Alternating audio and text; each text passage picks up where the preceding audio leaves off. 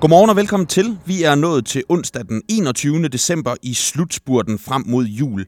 Og vi er også nået til dit overblik over døgnets største nyheder fra danske og internationale erhvervsmedier, der blandt andet tager os forbi prisudviklingen på både gas, strøm og boliger, samt udviklingen i en retssag mod en dansk partiformand. Jeg hedder Frederik Vincent. Velkommen til Morgenbriefing.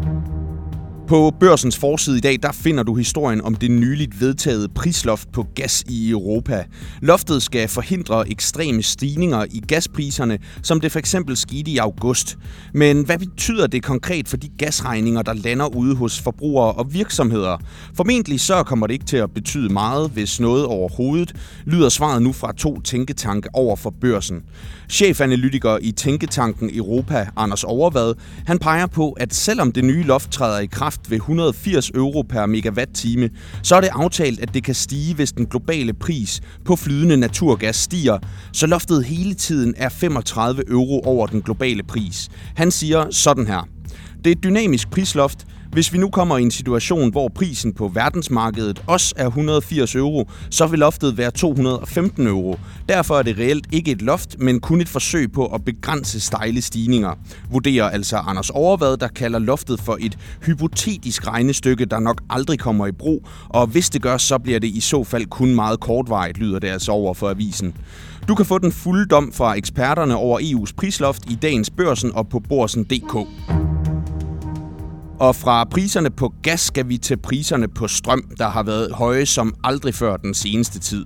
Og det sender flere danskere på prisjagt, når det kommer til deres elselskab, men der er stor risiko for at blive taget ved næsen, skriver Finans på sin forside i dag. Mange bliver nemlig snydt af energiselskaber, som forsøger at lokke kunder i butikken, siger forbrugerombudsmanden, som de seneste par år har haft usædvanligt travlt på den front. Der er nemlig væltet klager ind over energiselskabers jagt på nye kunder, hvoraf en væsentlig mængde anses for at være af meget grov karakter, vurderer forbrugerombudsmanden over for Finans. Det gælder både klager over elselskabernes færgning af nye kunder gennem telefonsalg, samt en ny slags klager over afregning og udformning af regninger, der ifølge forbrugerombudsmanden skyldes, at danskerne nu er langt mere opmærksomme på deres elregning efter de store prisstigninger, skriver mediet. Myndigheden fortæller samtidig, at enkelte selskaber fortsætter med at bryde loven trods sanktioner, og mener på den baggrund, at det bør være muligt at idømme fængselsstraffe som sanktion på fortsatte lovbrud, står der altså hos Finans. I syv år har Morten Messerschmidt haft beskyldningerne hængende over hovedet, og onsdag kl. 11, der bliver skyldspørgsmålet så endelig afgjort, når der falder dom i retssagen mod Dansk Folkepartis formand, der sidder anklaget for svindel med EU-midler og dokumentfalsk. Han nægter sig skyldig, mens anklagerne kræver en betinget fængselsstraf på mindst 6 måneder. Og under retssagen, der har der tegnet sig et bemærkelsesværdigt mønster. Vidner, der stadig er medlem af DF, de husker en tirsdag, der var spækket med EU, og nogle renter sågar et EU-seminar. Vidner, der har forladt partiet, de har typisk den modsatte erindring. Selv så fastholder Messerschmidt, at EU-seminaret fandt sted i 2015.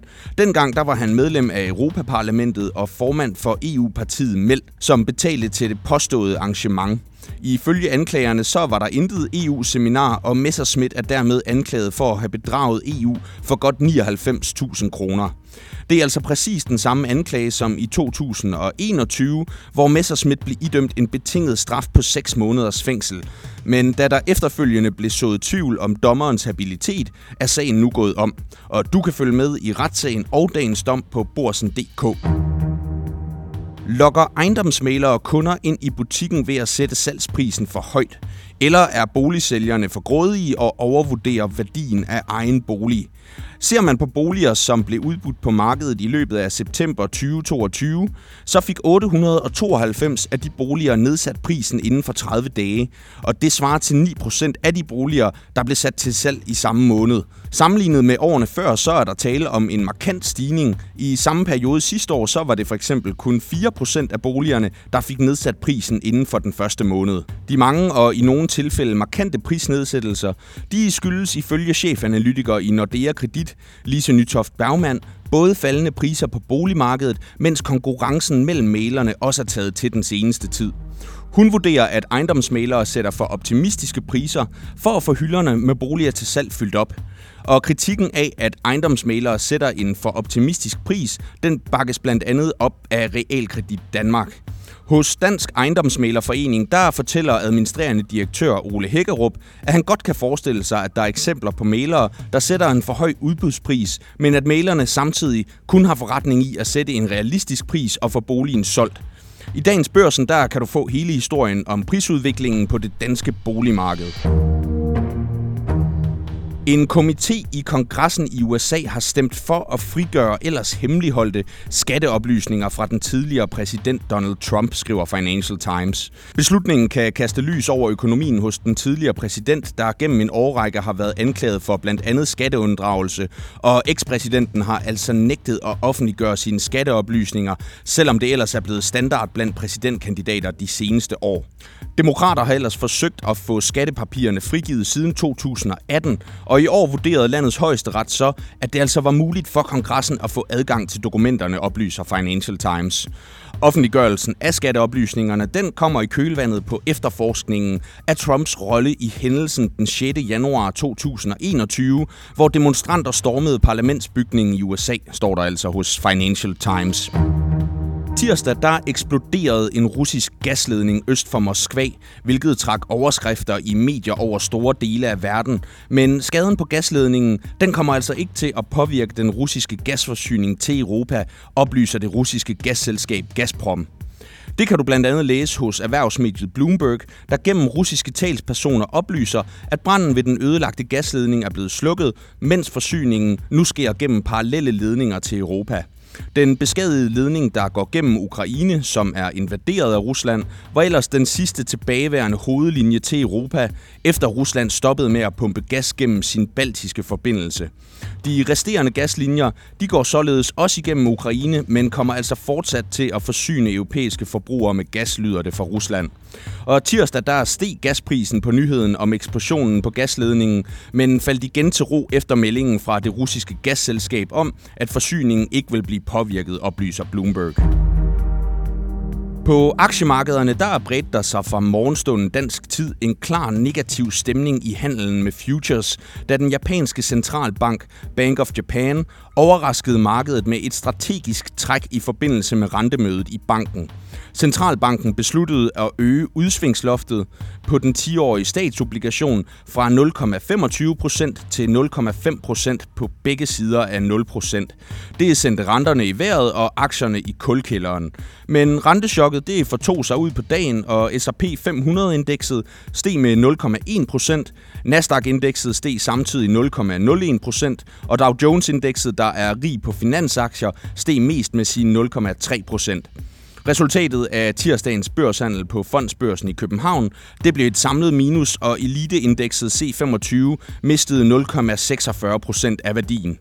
Læs alt om aktiekurser og få dine handelsnyheder på borsen.dk Investor.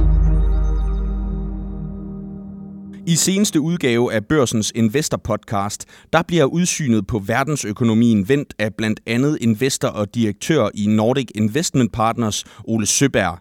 Ifølge ham, der bliver det i særdeleshed Afrika og Asien, der kommer til at drive den økonomiske aktivitet 20 år inden i fremtiden.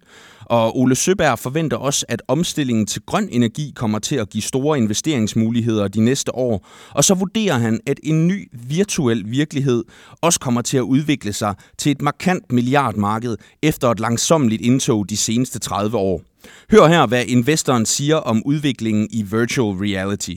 Uh, nu begynder der at komme lidt tættere på en realitet. Der er gået 30 år, og estimaterne fra Citigroup, de gætter på allerede i 2030 32 stykker, så skulle den omsætning i metaverset være 12.000 milliarder dollar om året. McKinsey, de er sådan lidt mere moderate og siger 5.000 milliarder dollar om året, men det går også hen og bliver et kæmpemæssigt område. Og så tog jeg så og dekomponerede, hvad bruger øh, de store tech-selskaber på forskning og udvikling, uden at de specificerer særlig, øh, i særlig høj grad, hvor mm. meget bruger de egentlig til metavers? Men Meta, de siger i hvert fald, at de bruger det mest af det. Øh, så bliver der brugt næsten 200 milliarder dollar om året i forskning og udvikling i den her gruppe af store selskaber. Og det sagde altså Ole Søberg. Få helt styr på investorernes syn på udviklingen i verdensøkonomien i Børsens Investor Podcast, og den finder du samme sted, som du lytter til Morgenbriefing. Det var alt, vi havde til dig for i dag, og tusind tak for at lytte med. Vi er tilbage med en ny briefing i morgen torsdag. Indtil da, så håber jeg, du får en skøn onsdag.